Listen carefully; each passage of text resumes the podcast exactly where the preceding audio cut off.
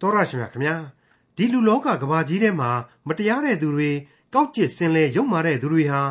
ဘယ်လိုဘေးအန္တရာယ်မှမရှိသူတို့မတရားလုပ်လိုက်တဲ့အရာတွေဟာသူတို့အတွက်မတရားအကျိုးစီးပွားဖြစ်ထွန်းပြီးအောင်ပွဲခံနေကြတာကြောင့်ဖန်ဆင်းရှင်ဖျားဆိုတာရှိမှရှိရဲ့လား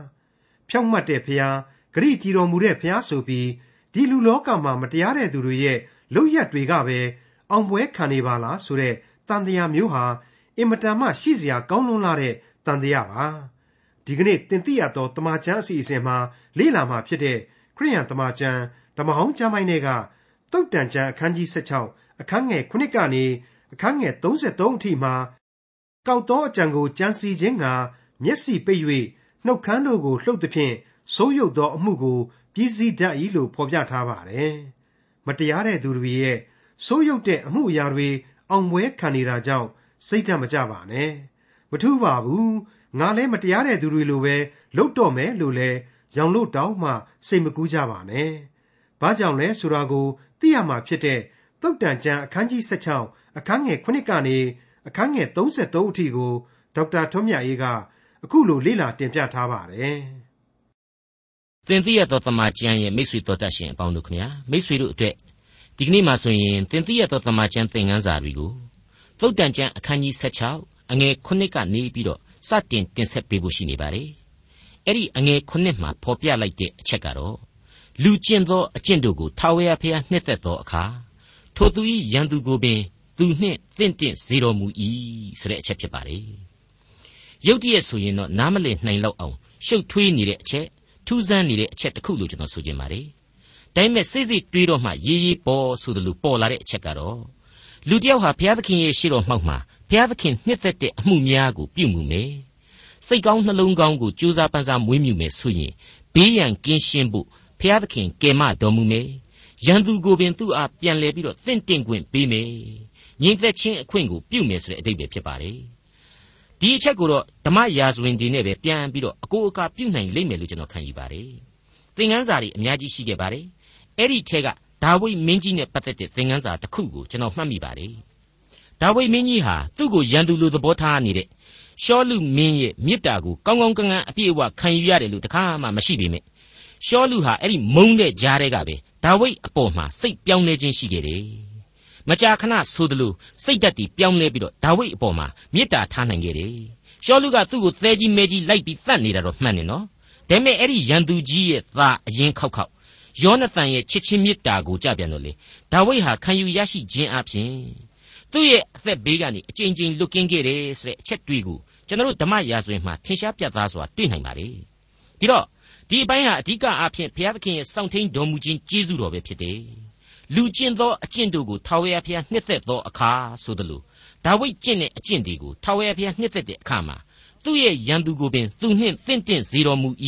ဆိုတဲ့အချက်ဟာဒီနေရာမှာသက်သေသာရကအဖြစ်ရှင်းလင်းစွာပေါ်ထွက်လာပါတယ်။သုတ်တန်ကျမ်းအခန်းကြီး16အငယ်8ကနေ10ကိုဆက်လက်နားဆင်ကြကြပါစို့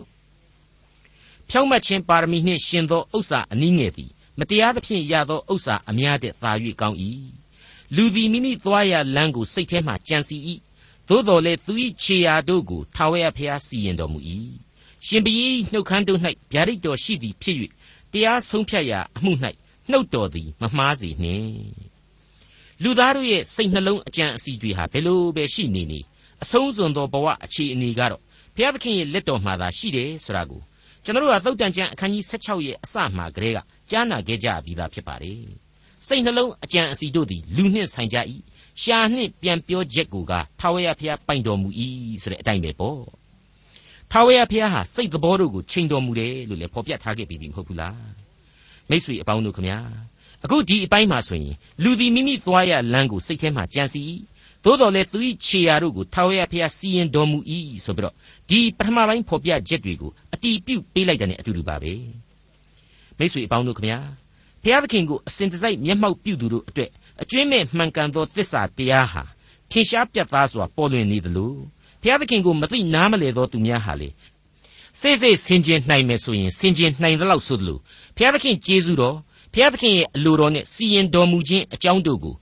အဖြေရရှိလာလိမ့်မယ်နားလည်လာစေလိမ့်မယ်လို့ကျွန်တော်ဆိုချင်ပါတယ်ရှင်ဘရင်ဤနှုတ်ခမ်းတို့၌ဗျာဒိတ်တော်ရှိတယ်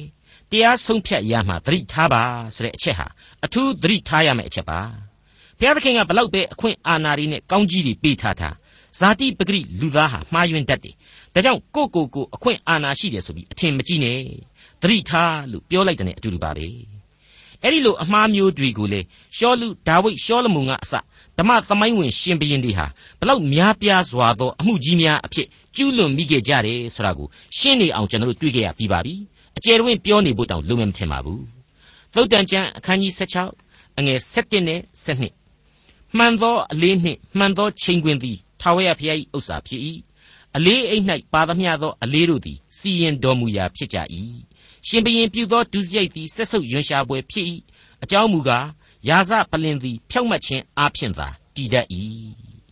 ကျွန်တော်ဟာဒီအပိုင်းနဲ့ပတ်သက်ပြီးတော့ပြီးခဲ့တဲ့သင်ခန်းစာမှာကလေးကသုတ်တန်ကျမ်းအခန်းကြီး16ကတော့ရှောလမုန်မင်းကြီးရဲ့ကာလရှည်လျားတဲ့ဘဝအတွေ့အကြုံတွေခန်းစားချက်တွေပေါ်မှာအခြေခံတဲ့ကြမ်းတည်ဖြစ်ရလိမ့်မယ်ဆိုပြီးတော့မိတ်ဆက်ပေးခဲ့ပြီးဖြစ်ပါတယ်အခုဆိုရင်ဒီဘဝသင်ခန်းစာအရာ သူအခုလိုဖော်ပြလိုက်ခြင်းပါလေမှန်သောအလေးနှင့်မှန်သောချိန်ခွင်သည်ထာဝရဘုရား၏ဥစ္စာဖြစ်၏အလေးအိမ်၌ပါသောပါသမျှသောအလေးတို့သည်လေစီရင်တော်မူရာဖြစ်၏ရှင်ဘရင်ပြုသောဒုစရိုက်သည်ဆက်ဆုပ်ရင်ရှာပွဲဖြစ်၏အကြောင်းမူကားယာစပလင်သည်ဖြောက်မှတ်ခြင်းအဖြစ်သာတည်တတ်၏တဲ့ရှင်းနေပါပြီနော်အခုအငယ်73မှ78ကိုဆက်လက်နားဆင်ကြကြပါအောင်စို့ဖြောက်မှတ်သောနှုတ်ခမ်းတို့သည်ရှင်ဘရင်နှစ်သက်ရာဖြစ်၏ မှန်ကန်စွာပြောသောသူကိုရှင်ဘရင်ချစ်တတ်၏ရှင်ဘရင်အမျက်သည်သေမင်းတမန်ကဲ့သို့ဖြစ်၏သို့တော်လည်းပညာရှိသောသူသည်အမျက်တော်ကိုဖြေတတ်၏ရှင်ဘရင်မျက်နှာပွင့်လန်းသောအဖြစ်အသက်ချမ်းသာရ၏ကျေးဇူးတော်သည်နောက်ရွာသောမိုးတိမ်ကဲ့သို့ဖြစ်၏ရွှေကိုရရခြင်းတဲ့ပညာကိုရရခြင်းသည်အလွန်ကောင်း၏ငွေကိုအမျက်မထားဉာဏ်နှင့်ပြည့်စုံခြင်းကိုအမျက်ထားเสียအလွန်ကောင်း၏ဖြောင့်မတ်သောသူလိုက်သောလမ်းမူကားဒုစရိုက်ကိုရှောင်ခြင်းသည် ထိုလမ်းမှမလွှဲဘဲအမြဲလိုက်သောသူသည်မိမိအသက်ဝိညာဉ်ကိုစောင့်တတ်၏တဲ့ဒီအချက်တွေဟာလေရှောလုံရဲ့ကိုယ်ပိုင်ခန်းစားချက်တွေဘောမှာသာအရင်မူတည်ထားတယ်အခြေခံထားတယ်လို့ကျွန်တော်ဆိုချင်ပါတယ်မှတ်လောက်သားလောက်တဲ့သူ့ရဲ့ကိုယ်ပိုင်အတွေ့အကြုံကိုတော့အငယ်16နဲ့19မှာတပါးတည်းဆက်ပြီးတော့ရှောလမုန်မင်းကြီးဟာဖော်ပြပေးလိုက်ပါတယ်မာနသည်ပျက်စီးခြင်းဤအရင်ထောင်လွှားသောသဘောသည်ရှုံချခြင်းအရင်၌နေရာကျတတ်၏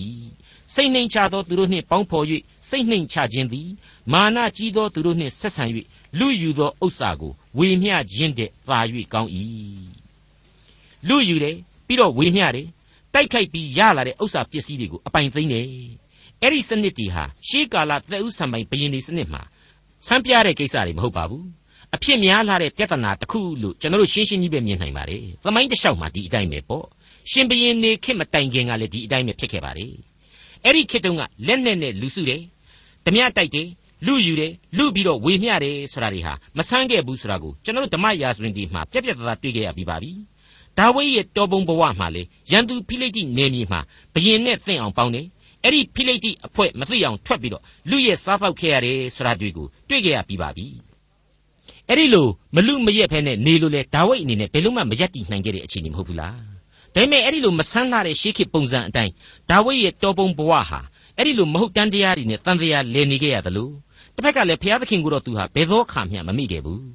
ယုံကြည်ခြင်းတရားမလျော့ဘားခဲ့ဘူးဆိုတာဒီကိုလေရှင်းလင်းစွာတွေ့ကြရမှာဖြစ်ပါတယ်ကျွန်တော်တို့ဒါရီဟာမှတ်သားရမယ့်အချက်ဒီပါအခုအပိုင်းမှာကသုတ်တန်ကျမ်းကဩဝါဒပြုလိုက်တာကတော့စိတ်နှိမ်ချပါတဲ့ပြီးတော့မာနကြီးတဲ့လူတွေနဲ့ပေါင်းပြီးတော့မယန်းကားပါနဲ့ဆိုတဲ့အနှစ်ချုပ်သဘောတရားကိုဖော်ပြထားပါတယ် အခုခေတ်ကျွန်တော်တို့ရဲ့စီးပွားရေးအဓိကအခါသမယကြီးမှာမတော်လောဘသမားတွေနဲ့ပေါင်းပြီးတော့မတော်လောဘနဲ့စီးပွားရေးတွေကိုစိတ်မဝင်စားကြပါနဲ့ဘာနှဖူးတိုက်တူးပြီးတော့မချမ်းသာမကြီးပွားကြပါစေနဲ့မတရားမချမ်းသာလိုကြပါနဲ့ဆရာကိုဟောဝါဒပြုလိုက်တာပဲလို့ကျွန်တော်ခံယူပါတယ်ကျွန်တော်တို့ကိုသုတ်တန်ကျမ်းအခန်းကြီး6အငယ်16ကနေ19အတွင်းမှာအဲ့ဒီလိုမာမာနတွေကိုဘုရားသခင်မကြိုက်တဲ့အကြောင်းကိုဖော်ပြပေးခဲ့ပြီးပြီဖြစ်ပါတယ်မိษွေတို့တကြောပြန်နားဆင်ကြည့်ကြပါ ထာဝရဘုရားမုန်းတော်မူသောအရာ6ပါးမကဆက်ဆုပ်ယွန်ရှာတော်မူသောအရာ9ပါးဟုမူကားထောင်လွှားသောမျက်နှာတစ်ပါးမှုသာ၌ကျင်လေသောရှာတစ်ပါးအပြစ်မရှိသောသူ၏အသက်ကိုတတ်သောလက်တစ်ပါးမကောင်းသောအကြံကိုကြံစီသောနှလုံးတစ်ပါးအပြစ်ပြုရာသို့အလျင်အမြန်ပြေးတတ်သောခြေတစ်ပါးမှုသာစကားကိုပြော၍မမှန်သောသက်သေတစ်ပါးအပေါင်းအဖော်ချင်းရန်တွေ့စေခြင်းဟာပြုတတ်သောသူတစ်ပါးတည်းအဲ့ဒီလိုဖော်ပြခဲ့ခြင်းဖြစ်ပါလေမိတ်ဆွေအပေါင်းတို့ခမညာ အဲ့ဒီလိုမာန်မာနသမားတွေဆိုတာဟာသမိုင်းတစ်လျှောက်မှာတန်းစီပြီးကျွန်တော်တို့တွေ့ကြရပြီးပါပြီဧဒရာဝတ္ထုတဲ့ဟာမန်ဒါဝိဒ်ရဲ့သားတော်ကြီးအဘရှလုံဒါဝိဒ်ကိုမလောက်လေးမလောက်စားလောက်သဘောထားပြီးတော့စိန်ခေါ်ခဲ့တဲ့ဂေါလျာအာဟပ်စတဲ့ပုဂ္ဂိုလ်ကြီးတွေပါပဲသူတို့ရဲ့ဖြစ်စဉ်သမိုင်းတွေကိုလေကျွန်တော်တို့ဟာဓမ္မရာဇဝင်တွေထဲမှာအခိုင်အမာပြန်ပြီးတော့တွေ့နိုင်ပါသေးတယ်အခုသုတ်တန်ကျမ်းအခန်းကြီး16အငယ်20မှ23ကိုဆက်ကြပါအောင်စို့ ပညာနှင့်အမှုဆောင်သောသူသည်အကျိုးကိုရလိမ့်မည်ထာဝရဘုရားကိုခိုလှုံသောသူသည်လည်းမင်္ဂလာရှိ၏လိမ္မာသောစိတ်တော်ရှိသောသူသည်ပညာသတိရှိသည်ဟုကြော်စောရာသို့ရောက်တတ်၏ချိုသောစကားကိုပြောတတ်သောနှုတ်သက်တိသည်လည်းပညာအတတ်ကိုတိုးပွားစေတတ်၏ဉာဏ်ပညာကိုရသောသူသည်အသက်ဆန်းရည်တွင်ကိုရ၏မိုက်သောသူတို့၏သွန်သင်ခြင်းမူကားမိုက်ခြင်းဖြစ်၏ပညာရှိသောသူ၏နှလုံးသည်သူ၏နှုတ်ကိုသွန်သင်၍ သူ၏နှုတ်ခမ်းတို့၌ပညာအတတ်ကိုထပ်လောင်းတတ်၏ပညာသတိရှိသူဉာဏ်ကိုရရှိသူဒါမှမဟုတ်ရင်လေထာဝရဘုရားကိုကြောက်ရွံ့၍ခရစ်တော်၌ယုံကြည်ခြင်းရှိသောသူအဲ့ဒီပုဂ္ဂိုလ်ရဲ့အကြောင်းကိုဖော်ပြတာပါပဲသူတို့ရဲ့အရေးအချင်းတွေကိုတွေ့မြင်ရစေတယ်လို့ကျွန်တော်ဆိုချင်ပါတယ်တိမင်္ဂလာရှိခြင်းနှစ်ဉာဏ်ပညာတို့ဆက်လက်တိုးတက်ခြင်းသုံးအသက်ဆန်းရည်ကိုရရှိခြင်းဆိုတဲ့အရေးချင်းတွေပဲဖြစ်ပါလေ ရှင်းရှင်းပြောရရင်တော့ကောင်းကင်အမွေခံဖြစ်တယ်ဆိုတဲ့အချက်ပါသုတ်တန်ကျမ်းအခန်းကြီး16အငယ်24သာယာသောစကားတို့သည်ပြားလပို့ကဲ့သို့ဖြစ်လျက်စိတ်ဝိညာဉ်ကိုချုံမြိန်လျက်ကိုယ်အယိုးကိုကြမ်းမာစေလျက်ရှိကြ၏ကျွန်တော်တို့အဖို့ဒီကနေ့သင်သိရသောသမာကျမ်းအပါအဝင်လေလိုင်းတန်ကကြားနေရတဲ့အသက်လန်းအကြောင်းကိုဖော်ပြခဲ့တဲ့ဖော်ပြနေတဲ့ဧဝံဂေလိသတင်းစကားတွေဟာလှိုင်လှိုင်ဝေနေတယ်လို့ကျွန်တော်ဆိုချင်ပါတယ်မိษွေတို့အနေနဲ့လဲညစဉ်လှိုင်လှိုင်ဝေနေအောင်ကြားနေရတယ်လို့ပဲကျွန်တော်ဆိုချင်ပါတယ် ဟောပြောတဲ့သူတွေကတော့ကျွန်တော်အပါအဝင်လေသံနေအမျိုးမျိုးမတူညီကြဘူးပေါ့ဘာပဲဖြစ်ဖြစ်ပါအဲ့ဒီဧဝံဂေလိကြီးဟူသောဝမ်းမြောက်ဖွယ်သတင်းစကားဆိုတာဟာခရစ်တော်ရဲ့လူစားတိကိုခံယူခြင်းကားတိုင်းတော်ပေါ်မှာအသေးခံတော်မူခြင်းနဲ့မြေ၌သင်ကြူခြင်းကိုခံတော်မူခြင်းရဲ့သုံးရမြောက်သောနေ့မှာထမြောက်တော်မူခြင်းရဲ့ကောင်းကင်ဘုံသို့ပြန်လဲတက်ကြွတော်မူခြင်းရဲ့ဆိုတဲ့လူသားတို့ရဲ့ထာဝရအသက်လမ်းအကြောင်းကိုဖော်ပြနေတယ်။သေခြင်းမှရှင်သန်ခွင့်လူသားတိုင်းမှာတဖန်ရှိနေပြန်ခြင်းဆိုတာကို သစ္စာရှိရှိဖော်ပြနေတဲ့တရားတော်တွေပဲဖြစ်ပါလေ။အလွန်ဝမ်းမြောက်ဖွယ်ကောင်းသောသတင်းကျွန်တော်အကုန်လုံးမျှော်လင့်တောင့်တနေတဲ့သတင်းစကားဖြစ်ပါတယ်။ကျွန်တော်အတွက်အသေးအသက်တမျှအရေးကြီးလာတဲ့ကယ်တင်ရှင်ကျေးဇူးတော်အကြောင်းပဲဖြစ်ပါလေ။ဒါကြောင့်မလို့လေအခုသုတ်တန်စကားဟာဖော်ပြလိုက်ပေးပါတယ်။ဖာယာသောစကားတို့သည်ပြားလပို့ကဲ့သို့ဖြစ်လျက်စိတ်ဝိညာဉ်၌ချုံမြင်လျက်ကိုယ်အယိုးကိုကြမ်းမာစေလျက်ရှိကြ၏တဲ့ဒါဟာအသက်လမ်းရဲ့အခြေခံသဘောတရားအ내ဖွင့်အဖြေလို့ကျွန်တော်ခံယူပါတယ် သုတ်တန်ကျမ်းအခန်းကြီး16အငယ်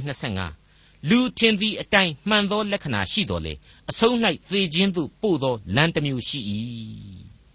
ဒါနဲ့ပတ်သက်ပြီးတော့ကျွန်တော်အကြိမ်ကြိမ်ရှင်းလင်းခဲ့ပြီးပြီဖြစ်လို့ထပ်ပြီးတော့မရှင်းလို့တော့ပါဘူးဒါပေမဲ့ကျွန်တော်ရဲ့အနတ္တသဘာဝကိုသိစီရမယ်ဖြစ်ပါလေသင်္ခါရသမားများသာဖြစ်တယ်ဆိုတာကိုသိရန်ဖြစ်ပါတယ်ဟုတ်ပါတယ်အဲ့ဒီလိုကိုယ့်ဘဝကိုကိုသိပြီးဆိုရင်တော့အဆုံးတရားဆိုတာကိုသိဖို့ထပ်ပြီးတော့လိုလာပါတယ် မဆုံးတရားဆိုတာကိုလည်းသိဖို့လိုလာပါတယ်ယုံကြည်ခြင်းအပြင်ရယူနိုင်တဲ့သာဝရအသက်လမ်းသို့မဟုတ်ကျွန်တော်ဖော်ပြခဲ့တဲ့မဆုံးတရားအသက်လမ်းရဲ့တရားအကြောင်းကိုလည်းသိဖို့အထူးပဲလိုအပ်လာပါတယ်အဲ့ဒီလိုလူထင်သည့်အတိုင်းမှန်တယ်မထင်နဲ့အဆုံးမှာတော့သေခြင်းဆိုတာရှိလျေဆိုတာကိုကျွန်တော်သိထားခဲ့တဲ့အတိုင်းပဲသုတ်တန်ကျမ်းရဲ့အခန်းကြီး14တုန်းကလေအငယ်7မှာတွေ့ကြရပြီးပါပြီဘုရားသခင်ကဒီအချက်ကိုကျွန်တော်လူသားတွေအတွက်မပြတ်မကွက် ကြက်မှတ်စေခြင်းနဲ့အရေးကြီးလို့သိစေခြင်းနဲ့လူရဲ့ဏီကုံအဆုံးဖြစ်တဲ့သေခြင်းနဲ့သာဝရအသက်ကိုခွဲခြားနားလေစေခြင်းနဲ့ဒါကြောင့်မို့လဲအခုလို့တကြောပြန်ပြန်ဆိုပေးလိုက်ခြင်းဖြစ်တယ်ဆိုတာကိုကျွန်တော်ခံယူဖို့လိုပါတယ်သုတ်တန်ကျမ်းအခန်းကြီး16အငယ်26နဲ့29အလုတ်လုတ်သောသူသည်မိမိပါဇက်တောင်းသောကြောင့်မိမိအဖို့လှုပ်တတ်၏အတ္တမလူသည်မကောင်းသောအမှုကိုကြိုးစား၍ကြံစီတတ်၏သူ၏နှုတ်ခမ်း၌လောင်သောမိကဲ့သို့ရှိ၏ ရှင်းနေပါတယ်နော်တဘာဝတရားအရာလူသားဟာကိုယ့်ရဲ့လောကရှင်သန်မှုအတွက်ကတော့ရုန်းကန်လှုပ်ရှားရတာအမှန်ပဲဓမ္မတာပဲစီးပွားရှာရတာဟာလေဘယ်သူမှမငြင်းနိုင်ဘူးအဲ့ဒီထဲမှာမှဒီလူသားရဲ့အခြေခံနှလုံးသားစိတ်အစဉ်ဟာသိပ်ပြီးအရေးကြီးတယ်ဆိုတဲ့အချက်ကိုဖော်ပြလာပါတယ်လူကောင်းသူကောင်းမဟုတ်ရင်တနည်းအားဖြင့်ဘုရားသခင်ကိုမှမကိုးကွယ်ရင်တော့မကောင်းသောအမှုတွေသာဖြစ်ရလိမ့်မယ်သူ့စကားတွေဟာလေလောင်သောမိခဲ့သို့သာဖြစ်လိမ့်မယ်ဆိုတဲ့သဘောကိုဖော်ပြပေးလိုက်ပါတယ် မိတ်ဆွေအပေါင်းတို့ခမညာကျွန်တော်ရဲ့အသက်တာခရီးစဉ်ကြီးဟာကြည်လင်သောခရီးတတ်နိုင်သည်၍ရှင်သန်သောခရီးသာဖြစ်တဲ့ ਨੇ တန်ရှင်းစင်ကြယ်ခြင်းရှိသင့်လှတယ်လို့ကျွန်တော်အလေးနဲ့ယုံကြည်မိပါတယ်လူသားဟာလူလောက်ပဲကောင်းနိုင်မယ်ဆိုတာကိုကျွန်တော်မငြင်းနိုင်ပါဘူးဒါပေမဲ့ကျွန်တော်တို့ကိုးကွယ်ယုံကြည်တဲ့ဘုရားသခင်ဟာအဲ့ဒီလိုနောက်ကြည့်လွန်းနေတဲ့အသက်တာမျိုးကိုပေးဆက်တိုက်တဲ့ဘုရားသခင်မျိုးမဟုတ်ဘူးဒါဟာကိုယ့်ရဲ့လူအုံနှောက်နဲ့လူတွေတွေးပြီးတော့ယူရင်တောင်းမှရာကောင်းတယ်လို့ကျွန်တော်ခံယူမိပါတယ် သူ့ရဲ့ကြီးမားလာတဲ့မေတ္တာတော်အနန္တမေတ္တာတော်သဘောဟာယုံကြည်ခြင်းနဲ့တိုးဝင်ခြင်းကသူ့အတွက်အကျွင်းမဲ့ပေးဆက်ရမယ်အသက်တာမျိုးအတတ်နိုင်ဆုံးကျွန်တော်ဆောင်းကပြောခဲ့တဲ့အတိုင်းပဲရှင်းသန့်တဲ့အသက်တာမျိုးနဲ့သာသူ့ကိုပေးဆက်ထိုက်တယ်လို့ကျွန်တော်ခံယူပါတယ်ကျွန်တော်တို့ကဒီအနန္တတကုရှင်ရဲ့မေတ္တာတော်ကိုထိုက်ထိုက်တန်တန်ခံယူတိုက်လာတယ်လို့ကျွန်တော်တင်ပြလိုက်ပါရစေသုတ်တန်ကျမ်းအခန်းကြီး16အငယ်28မှ31သဘောကောက်သောသူသည်ယံမျိုးစီကိုကျေတတ်၏ ဂုံးတိုက်သောသူသည်လည်းမိတ်ဆွေတို့ကိုကွဲပြားစေတတ်၏ကြမ်းကြုတ်သောသူသည်အိမ်နီးချင်းကိုချော့မော်၍မကောင်းသောလမ်းတဲ့သို့သွေးဆောင်တတ်၏ကောက်သောအကြံကိုကြံစီခြင်းဟာမျက်စိမှိတ်၍နှုတ်ခမ်းတို့ကိုလှုပ်သဖြင့်ဆိုးရုပ်သောအမှုကိုပြီးစီးတတ်၏ဖြူသောသပင်သည်ဖြောက်မှတ်ခြင်းတရားလမ်း၌တည်လျင်ဘုံကြီးသောတရဖူဖြစ်၏အကြီးအကျယ်သတိထားရမယ့်အချက်နဲ့စလိုက်ပါတယ်သဘောကောက်တဲ့လူတွေဟာရန်တိုက်ပေးတတ်တယ် မိတ်ဆွေအပေါင်းတို့ရဲ့အသက်တာမှာအဲ့ဒီလူများသူများတွေရန်ဖြစ်အောင်များလုပ်မိဘူးကြပါသလားဒါဟာတမင်လောက်တာကိုကျွန်တော်ပြောတာမဟုတ်ပါဘူးနော်အမှတ်တမဲ့ပဲဖြစ်ဖြစ်မတော်တဆပဲဖြစ်ဖြစ်ကိုကြောင့်သူများတွေရန်ဖြစ်ကုန်ရတယ်ဆိုတာကိုကျွန်တော်ပြောလိုက်ခြင်းပါကျွန်တော်ရဲ့အသက်တာမှာကတော့ကျွန်တော်ကဓာတ်ရိုက်အဲ့ဒီလိုမရည်ရွယ်ပေမဲ့အပြောအဆိုမှားယွင်းမှုကြောင့်သူများတွေပြဿနာတက်ပြီးတော့ဖြည့်ရှင်းပေးရဘူးတာမျိုးကြုံဘူးတယ်ဆိုတာကိုဝန်ခံနေပါလေဟုတ်ပါတယ် သဘောဖြောင့်တယ်ဖြောင့်တယ်နဲ့မမျော်လင့်ပဲနဲ့တစ်ချက်လောက်ကောက်ကွေ့လမ်းလွဲလိုက်တာနဲ့ပဲအဲ့ဒီတစ်ချက်ဟာသူများအကျိုးကိုများစွာထိခိုက်နစ်နာသွားစေတယ်အ ਨੇ ဆုံးအကျိုးမပြုနိုင်ပဲဖြစ်သွားရစေတယ်စိတ်မကောင်းစရာတွေဖြစ်ရစေတယ်ဆိုတာကိုကျွန်တော်နားလည်လာရပါတယ်ကြမ်းကြုတ်သောသူသည်အိမ်နီးချင်းကိုချော့မော့၍မကောင်းသောလမ်းတဲ့သို့သွေးဆောင်တတ်၏တဲ့ကိုယ့်ပတ်ဝန်းကျင်ကိုညဉ့်ညမ်းအောင်လှုပ်ခြင်းပဲလို့ကျွန်တော်ကတော့ဆိုချင်ပါတယ်မိษွေတို့ကတော့ဘယ်လိုသဘောထားကြမယ်မသိဘူး အတော်ကြီးကိုကြောက်เสียကောင်းတဲ့ဒုစရိုက်ကြီးတစ်ခုပဲလို့ကျွန်တော်ခံယူပါတယ်ကိုခိုလှုံရတဲ့ပတ်ဝန်းကျင်ကိုအမိသဟဲပြုတ်ရတဲ့ကိုနဘေးနဘီကိုပါရောပြီးတော့ဒုက္ခရောက်အောင်အမှောင်ကျအောင်လှုပ်ဝန်းတဲ့လူယုံမာတို့ရဲ့အတွင်းသဘောပဲလို့ကျွန်တော်ဆိုချင်ပါတယ်ကျွန်တော်ဒီနေရာမှာကျွန်တော်ငငယ်တုန်းကဥပု္ပ္ပစာပြေအကြောင်းမှာဆရာဆရာမတွေသင်ကြားပြီးတဲ့တခြင်းကလေးတစ်ပုဒ်ကိုသွားရောက်သတိရမိပါတယ် Brighten the corner where you are တဲ့သင်ရှိရာတောင့်တနေရာမှမေတ္တာအလင်းကိုလင်းချင်းစေပါဆိုတဲ့တခြင်းကလေးပါပဲ အတိတ်နှစ်ပေါင်းများစွာမှာလွန်မြောက်ခဲ့ပြီးပါပြီကာလအစဉ်မယိုးနိုင်သောအနှစ်သာရကိုတော့ဖော်ပြနေစေပဲလို့ကျွန်တော်ယင်ထဲမှာခန်းစားမိပါတယ်အခုဒီကျမ်းမှာဖော်ပြလိုက်တာကတော့မကောင်းမကန်းသမားတွေရဲ့ဇယိုက်ကိုပြောင်းပြန်လှန်ပြီးတော့ဖော်ပြပေးလိုက်ပါတယ်ကိုယ်အိမ်ကြီးချင်းကိုယ်ပတ်ဝန်းကျင်ကိုမကောင်းတဲ့လမ်းတွေမရောက်ရောက်အောင်ဒင်းတို့လုပ်ကြတယ်တဲ့မိတ်ဆွေအပေါင်းတို့ကပ္ပသမိုင်းနဲ့ဓမ္မသမိုင်းတစ်လျှောက်မှာအဲ့ဒီလိုအမှုကြီးတွေကိုလူအဖွဲ့အစည်းဟာအမြောက်အများကျူးလွန်ခဲ့ကြတယ်ဆိုရင်ဘယ်သူမှညင်းနိုင်မယ်လို့ကျွန်တော်တော့မထင်ပါဘူး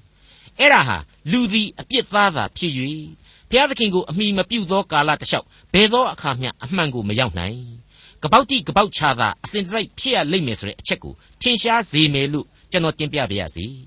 ပမာဆောင်ရမယ်ဆိုရင် fascism ဆိုတဲ့ဝါဒ Nazism ဆိုတဲ့ဝါဒ materialism ဆိုတဲ့ဝါဒတွေဟာအဲ့ဒီလိုပါပဲခေါင်းဆောင်လှုပ်သူလူတစုကနေပြီးတော့လူအပိုင်းဝိုင်းကြီးတစ်ခုလုံးကိုဖျက်ဆီးပစ်ခဲ့တယ်လို့ကျွန်တော်ကတော့သဘောထားပါတယ် အဲ့ဒီလိုပြောတော့အခုကဘာတဝန်းလုံးကြောကြားနေတဲ့ဒီမိုကရေစီခေါ်ကျင့်စဉ်ကြီးကကောအကျွင်းမဲ့ကောင်းမယ်လို့ပြောနိုင်ကြမယ်ထင်ပါသလားလို့ကျွန်တော်မေးချင်ပါတယ်ကျွန်တော်ကတော့ကျွန်တော်ယုံကြည်ချက်ကိုပြောရမယ်ဆိုရင်လူသားတို့ရဲ့ဇယိုက်သဘာဝအခြေခံမှာတိဆောက်တဲ့ဘယ်လောကမူဝါဒကိုမှပြည့်စုံတယ်လုံလောက်တယ်လို့ကျွန်တော်မခံယူနိုင်ပါဘူးနည်းနည်းပို့ပြီးတော့သက်သာတာရှိခြင်းရှိမယ်ခုနှစ်ရဲ့သားသမီးအသက်ရှူချောင်တဲ့နေရာမှာပို့ပြီးတော့ထင်ရှားတာရှိခြင်းရှိမယ် ပြေဝစုံလင်ခြင်းတော့ဘယ်တော့မှမရှိနိုင်ဘူးလို့ပြတ်သားစွာမြင်မိပါတယ်အဲ့ဒါဟာတနည်းအားဖြင့်ကတော့ယဉ်နှင့်ပွေသောလူသမိုင်းရဲ့အလွန်ထင်ရှားသောသက်သေဖြစ်ပါတယ်မရှောင်သာသောလူဘဝရဲ့အဖြေသာဖြစ်တယ်လို့ကျွန်တော်ရေးကြီးပြောချင်ပါတယ်တနည်းပြောရရင်တော့လူသားတို့ရဲ့ဇာတိပဂရိအကျင့်အကြံမှန်တဲ့တို့ဟာဘုရားသခင်ကိုပယ်လီလီအများအကျိုးကိုဖျက်လီလီပဲဖြစ်လိမ့်မယ်လို့ဆိုလိုက်ပါရစေကောက်သောအကြံကိုမျက်စိမှိတ်ပြီးတော့ကျူးလွန်တယ်နှုတ်ခမ်းလှုပ်ပြီးတော့ကျူးလွန်တယ်တဲ့ အမှတ်တမဲ့ဆိုရင်တော့နော်တမျိုးကြီးတစ်ခါဖြစ်ရပြန်ပြီဆိုပြီးတော့ကျွန်တော်ထင်ပါတယ်တကယ်တကယ်တော့အခုခေတ်နိုင်ငံရေးလောကကထွက်တဲ့ Newsweek magazine ကိုကြည့်မလား Time magazine ကိုကြည့်မလားဘယ် magazine ကိုပဲလှန်ကြည့်ကြည့်ပါနှိုက်နှိုက်ချွတ်ချွတ်များစာကိုဖတ်ပြီးတော့အလေးနဲ့စဉ်းစားမယ်ဆိုရင်နိုင်ငံရေးသတင်းတွေဟာအကုန်လုံးဒီအတိုင်းကြီးပဲကောက်သောအကြံကိုမျက်စိမှိတ်ပြီးတော့ကျူးလွန်နေကြတယ်နှုတ်ခမ်းလှုပ်ပြီးကျူးလွန်နေကြတယ်လို့ကျွန်တော်ဆွဆွဲပါရစေမိတ်ဆွေအပေါင်းတို့ခင်ဗျာဖောက်ပြန်နေတဲ့လူအဖွဲ့အစည်းဟာ ဖောက်ပြန်နေတဲ့နီးဗျူဟာတွေနဲ့ပဲတောက်လျှောက်မျက်စပစ်ပြီးတော့ကိုကြိုးရှာနေကြတယ်ရှာပြားကစကလုံးကလေးတွေနဲ့လူလေလုံနေကြတယ်လို့ကျွန်တော်ဆိုလိုက်ချင်ပါတယ်အဲ့ဒီလိုညစ်တီးညစ်ပတ်လုပ်တဲ့လူအဖွဲ့အစည်းဟာအဲ့ဒီလိုကလိန်ကကျစ်နီးနဲ့သားလျင်နောက်ဆုံးကြတော့လေပြီးစည်းသွားရတာပဲ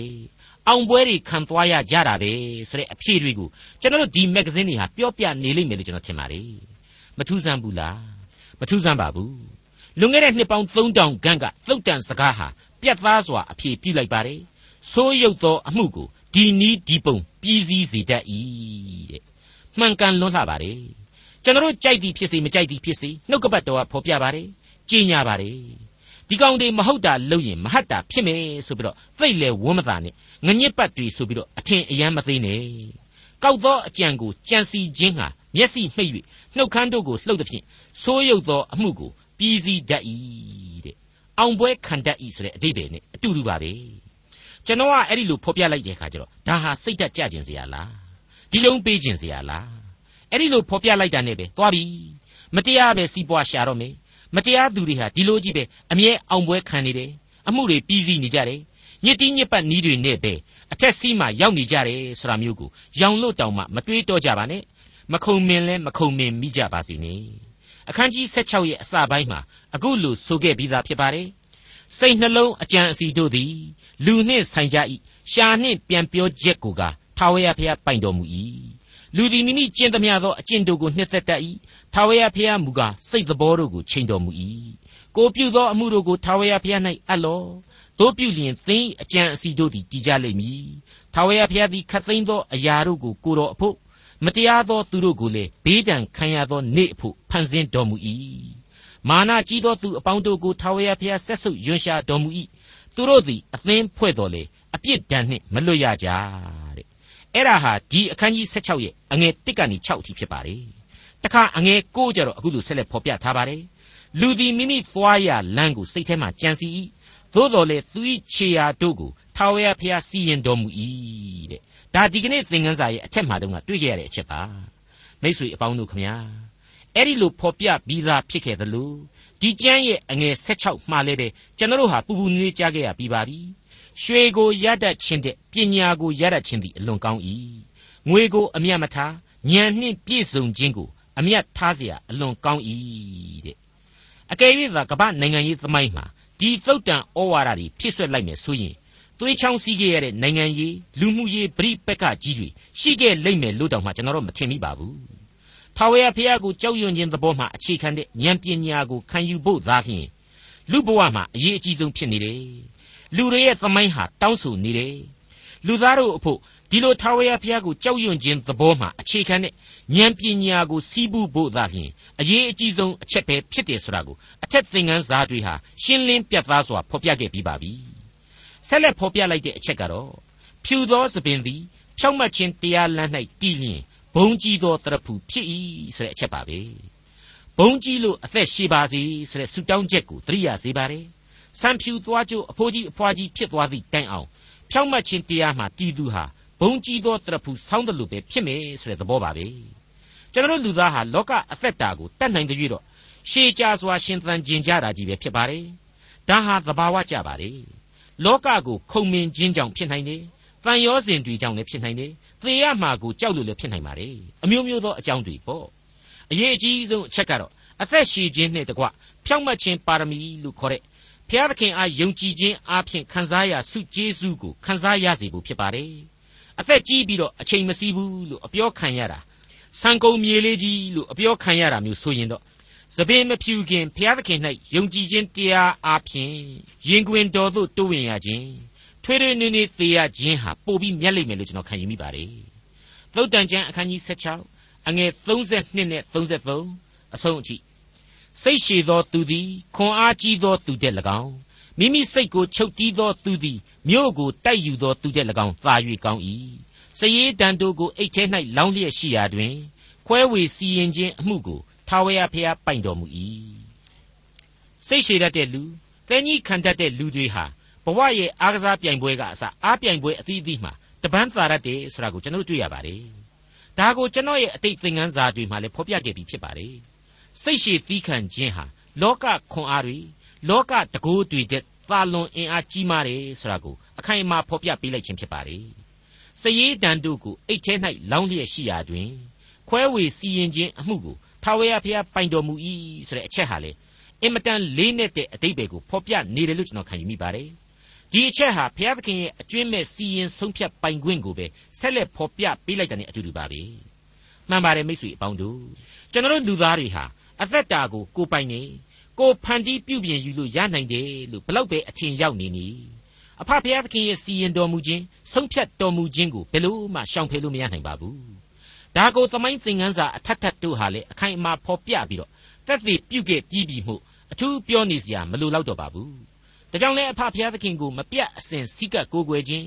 ယိုသေးပြတ်ဝတ်ခြင်းတို့ဟာအသက်တာမှာစိတ်အချရဆုံးသောကျင့်စဉ်များဖြစ်တယ်နှစ်လိုပွဲအကောင်းဆုံးသောတရားဖြစ်တယ်ဆိုတာကိုအထက်ထက်ကျွန်တော်တို့ကြားနာခဲ့ရပြီးပြီဖြစ်ပါတယ်ကျွန်တော်နဲ့တကွမိษွေများအားလုံးတို့အတွက်သုတ်တန်ကျမ်းမှပြသလိုက်သောတမန်တရားပဲဖြစ်ပါတယ်ခင်ဗျာ ဒေါက်တာထွန်းမြတ်ရေးစီစဉ်တင်ဆက်တဲ့တင်ပြရသောတမန်ကျမ်းအစီအစဉ်ဖြစ်ပါတယ်နောက်တစ်ချိန်အစီအစဉ်မှာခရိယန်တမန်ကျမ်းဓမ္မဟောင်းကျမ်းပိုင်းတွေကသုတ်တန်ကျမ်းအခန်းကြီး16ကိုလေ့လာမှဖြစ်တဲ့အတွက်စောင့်မျှော်နားဆင်နိုင်ပါတယ်။